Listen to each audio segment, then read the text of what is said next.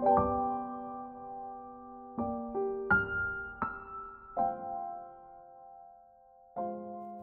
to cheers, welcome to Tush episode. Tush episode touching you in every episode. And welcome to Two Cheers Time bersama aku Nadia dan Aku Nadifa dan selamat datang di segmen ini. Halo Nadifa, gimana nih kabarnya? Halo juga Kak Nadia. Aku masih dalam keadaan sehat, selamat dan sentosa. Kalau kakak sendiri gimana nih kabarnya kak? Aku kabar baik nih, alhamdulillah. Kalau kamu sendiri gimana kabarnya? Kan udah kakak tanya nih di awal, gimana sih kak? Oh iya ya. Oke deh, dan untuk pendengar semoga kabarnya baik-baik aja dan sehat selalu di mana pun dan kapan pun kalian berada. Nah iya betul banget nih kak, soalnya sehat adalah hal yang paling penting untuk situasi sekarang ini. Nah, bukan hanya sehat fisik loh, tetapi juga sehat secara mental. Widih keren banget tuh kak. Emangnya kalau kakak sendiri udah ngapain aja nih kak untuk mensehatkan secara fisik dan mental kakak? Hmm, ya pasti nih, aku olahraga dong buat sehatin fisik. Nah, buat sehatin secara mental, aku mencoba untuk meditasi, mindfulness, dan juga menghindari pikiran-pikiran yang negatif. Oh alah, aku juga nyoba sih kak untuk olahraga fisik seperti yoga, tapi aku belum sempet sih kak untuk nyoba meditasi atau mindfulness. Cuman aku rasa aku udah lumayan bisa sih kak untuk menghindari pikiran-pikiran negatif. Nah, iya betul banget nih. Pemikiran hal-hal yang negatif itu melelahkan gak sih? Capek pikiran, mental, dan fisik pun juga ikut terkena imbasnya. Iya betul banget kak, bener-bener capek banget deh pokoknya kalau misalnya kita udah memikirkan hal-hal yang berbau negatif. Eits, sebentar nih. Kita udah ngomongin pikiran-pikiran negatif atau yang biasa kita sebut negative thought. Tapi kita belum kasih tahu nih ke cheers pengertian dari pikiran negatif itu sendiri. Hmm, betul juga ya kak. Kalau menurut kakak, pikiran negatif itu apa aja sih kak? Nah, kalau gitu aku kasih tahu dulu nih ya, apa itu negative thought. Negative thought itu adalah pemikiran yang hanya fokus kepada hal-hal yang berbau negatif aja tanpa melihat sisi positifnya. Ini berbeda ya dengan overthinking. Kalau overthinking itu kita terlalu banyak memikirkan hal-hal secara berlebihan. Padahal pemikiran tersebut belum tentu terjadi. Oh lah, betul betul betul. Nah teman-teman, itu dia nih pengertian dari negative thought. Tapi ada lagi loh kak yang harus lebih dihindari yaitu suicidal thought. Wah, iya bener banget nih Nadifa. Aku hampir lupa loh. Bulan ini kan ada hari di mana memperingati Suicidal Prevention Awareness Month. Di bulan ini, kita harus bisa menyebarkan harapan dan informasi penting kepada orang-orang yang ingin bunuh diri atau yang mempunyai suicidal thought. Tapi sebelum kita menyelam lebih dalam terkait dengan suicidal thought, kami akan meriman sekali lagi nih kepada teman-teman yang sedang mendengarkan podcast ini kalau pembahasan suicidal thought ini cukup sensitif ya. Iya, betul banget nih. Teman-teman diharap untuk bijak ya di saat mendengarkan podcast di segmen ini. Iya, bener banget. Eh, BTW nih, berbicara tentang negative thought, salah satu dari two cheers ada yang punya pengalaman terkait dengan negative thought. Dan salah satu dari two cheers udah ada nih yang ngirim surat kepada kita. Wah, boleh banget tuh kak buat dibacain suratnya. Oke oke, aku bacain ya. Nah, pengirimnya ini dari An. Aku mulai ya. Halo, mau cerita nih tentang pengalaman punya negatif thought pertama dalam hidup yang cukup buat kaget diri sendiri juga. Kejadiannya mungkin gak lama sih, mungkin beberapa bulan lalu, tapi lupa tepatnya bulan apa. Saat itu, aku ngerasa kalau aku lagi mentally unstable banget. Bisa dibilang lagi burn out, tertekan, tapi aku gak punya tempat untuk berbagi keresahan aku. Aku cuma bisa mendem semua yang aku rasain and act like I'm fine and okay. But actually I'm not. Emosi yang aku pendem dari lama itu ngebuat mental aku saat itu jadi unstable. Tapi aku tetap trying to be okay. Setiap hari ngelakuin sesuatu tapi ngerasa apa banget. Ngelakuin apa pun juga nggak enjoy. Jadinya vibesnya kayak gloomy terus. Aku ngerasa my mental unstable karena lagi insecure parah sama banyak hal. Jenuh ngelakuin aktivitas yang sama di rumah setiap harinya. Jenuh sendirian gak ada orang yang bisa diajak ngobrol. Terus capek juga gara-gara semester lalu yang training mental banget. Mau short escape pun gagal gara-gara PPKM. Terus ditambah suasana rumah lagi gak kondusif banget. Setiap hari nih ada aja orang teriak, marah-marah. Itu benar-benar bikin aku kayak capek banget, suntuk dan ribuh. Sampai pada akhirnya aku juga berantem sama pacar aku karena salah paham aja sih sebenarnya. Cuman itu ngebuat kita jadi berantem gede dan ditambah lagi kita LDR. Yang otomatis kita nggak bisa menyelesaikan permasalahan secara langsung kayak ketemu kan. Jadi cuman bisa betul aja. Pas berantem tuh aku sempet diblok. Terus pacar aku tuh tipe orang yang kadang nggak mau selesaiin masalah langsung gitu loh Sedangkan aku maunya kita selesai baik-baik. Kalaupun gak bisa selesai saat itu, at least kita bisa ngomong baik-baik dulu. Bukan malah ngeblok atau salahin treatment atau diambekin balik. Kan kayak jadi, aduh sakit banget gak sih? Nah, dari pertengkaran yang awalnya masalahnya sepele itu, ngebuat pacar aku jadi tiba-tiba mutusin aku secara sepihak gitu aja. Dan ini salah satu habit buruk dia. Sedangkan aku tuh nggak mau putus gara-gara masalah sepele, apalagi cuman salah paham aja. Rasanya itu kayak hancur banget di saat aku cuman punya pacarku yang ibaratnya 24 jam selalu ada buat dengerin ocehanku dari A sampai Z, dari sedih, senang, nangis, dan lain-lain. Tiba-tiba dia bilang putus dan mau ninggalin aku di saat aku nggak punya persiapan apa-apa buat hadapin perpisahan itu. Dari permasalahan berantem gede sama pacar aku malam itu, ditambah aku sendiri punya problem beberapa hari yang gak bisa aku keluarin emosinya, tiba-tiba ngebuat aku punya pikiran buruk malam itu juga. Malam itu juga aku rapuh. Dan aku sempet punya suicide thoughts. Jujur li sekarang kalau inget rasanya kayak ada seseknya tapi bangga juga sama aku yang bisa bertahan sampai sekarang.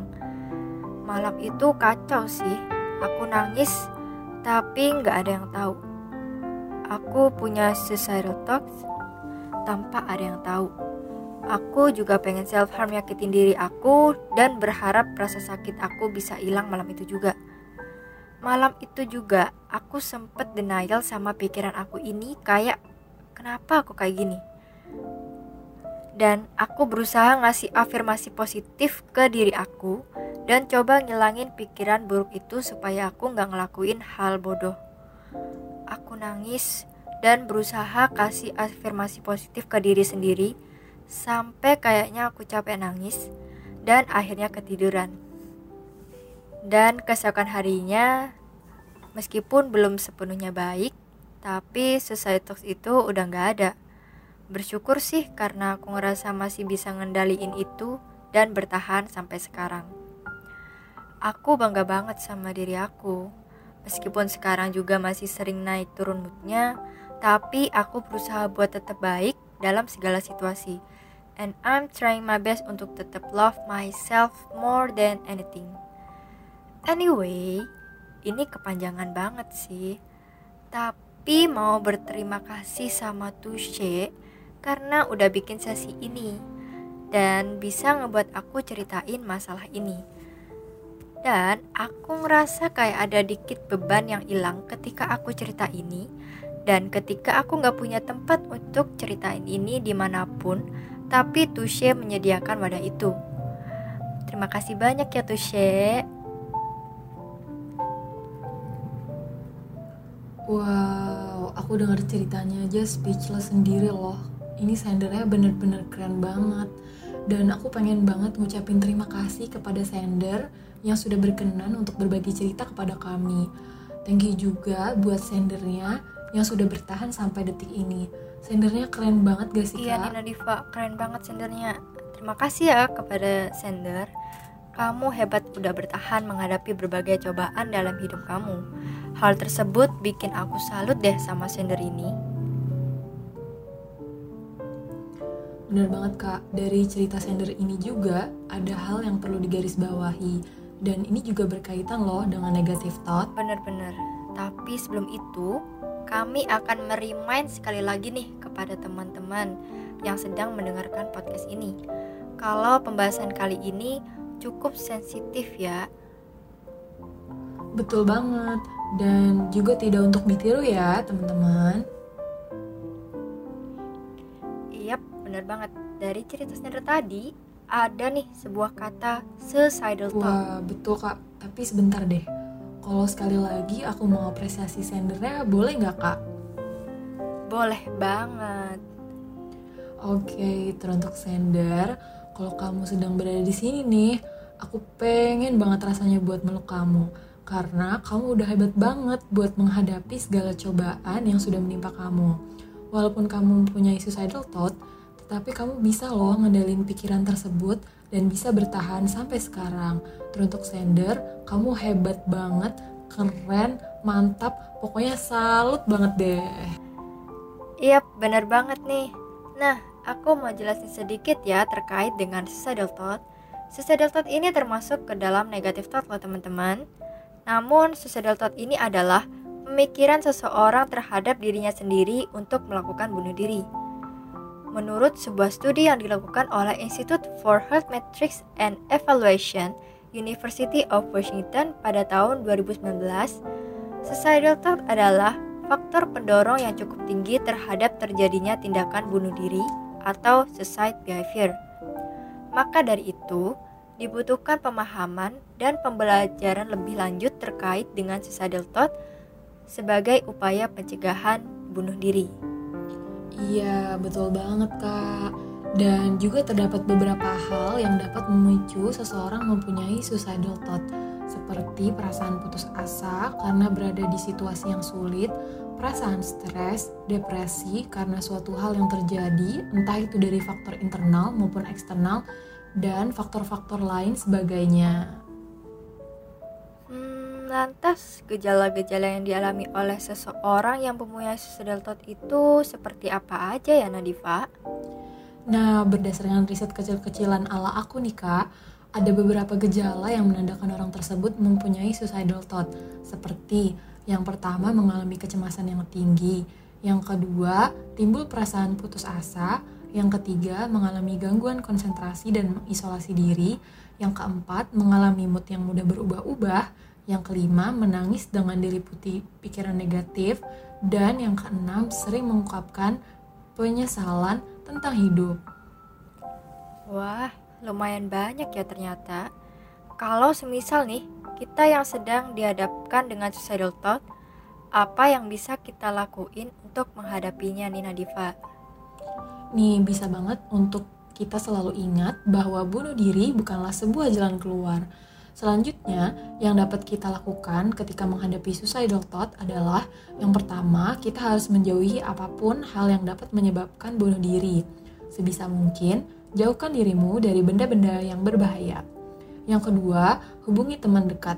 Jangkau teman dekat atau orang yang dicintai, hubungi orang yang dapat dipercaya dan bisa mendengarkanmu. Ceritakanlah hal-hal yang membuat kamu resah, gelisah, dan lain sebagainya. Tumpahkan semua masalahmu dan jangan membawa beban masalahmu sendirian. Yang ketiga, hubungi pemuka agama, karena mungkin saja kamu bisa mendapatkan ketenangan setelah mendapatkan dukungan rohaniah. Yang keempat, hubungi hotline bunuh diri. Di Indonesia ini terdapat hotline bunuh diri loh kak. Hotline ini dapat membantu kita untuk menghindari suicidal thought. Catat baik-baik ya teman-teman. Kamu bisa menghubungi hotline kesehatan jiwa Kemenkes di nomor 021 500 454 atau LSM jangan bunuh diri di 021 96 96 92 93. Yang kelima, jika lo masih ada pemikiran terkait suicidal thought, kamu bisa langsung pergi ke psikolog untuk mengkonsultasikan lebih lanjut terkait dengan suicidal thought yang sedang dialami. By the way, aku baru tahu nih ada hotline seperti itu. Oke oke, terima kasih ya Diva. Nah, itu dia nih beberapa cara untuk mengatasi permasalahan suicidal thought. Iya kak, tapi tetap ya yang paling penting adalah tanamkan kepada diri kalian kalau suicide bukanlah jalan keluar. Dan aku juga mau ngingetin lagi nih kepada teman-teman, kalau pembahasan ini cukup sensitif. Kalau dari Tucir sendiri ada yang merasa kurang nyaman dan tertrigger dengan pembahasan ini, boleh banget untuk reach touche yang kemudian akan dihubungkan dengan profesional touche. Itu jika memang betul dibutuhkan ya. Iya, betul betul betul. Tapi nih kak, tak terasa kita sudah di ujung segmen ini kak. Wah, iya ya, nggak terasa banget. Sepertinya kami harus pamit undur diri dulu deh untuk segmen kali ini. Jangan lupa nih untuk teman-teman yang mempunyai cerita atau pengalaman yang menarik, boleh banget nih untuk share ceritanya di key form yang ada di Instagram share.id. Dan pengirim suratnya juga bisa loh berkesempatan untuk diundang di podcast. Asik banget gak sih Nadifa? Iya dong kak, pastinya asik banget. Nah, kalau gitu cukup sampai sini dulu ya tuh cheers. Aku Nadia pamit undur diri. Sampai jumpa di Tush episode selanjutnya. Tush episode touching you in every episode. Sampai jumpa. Sampai jumpa.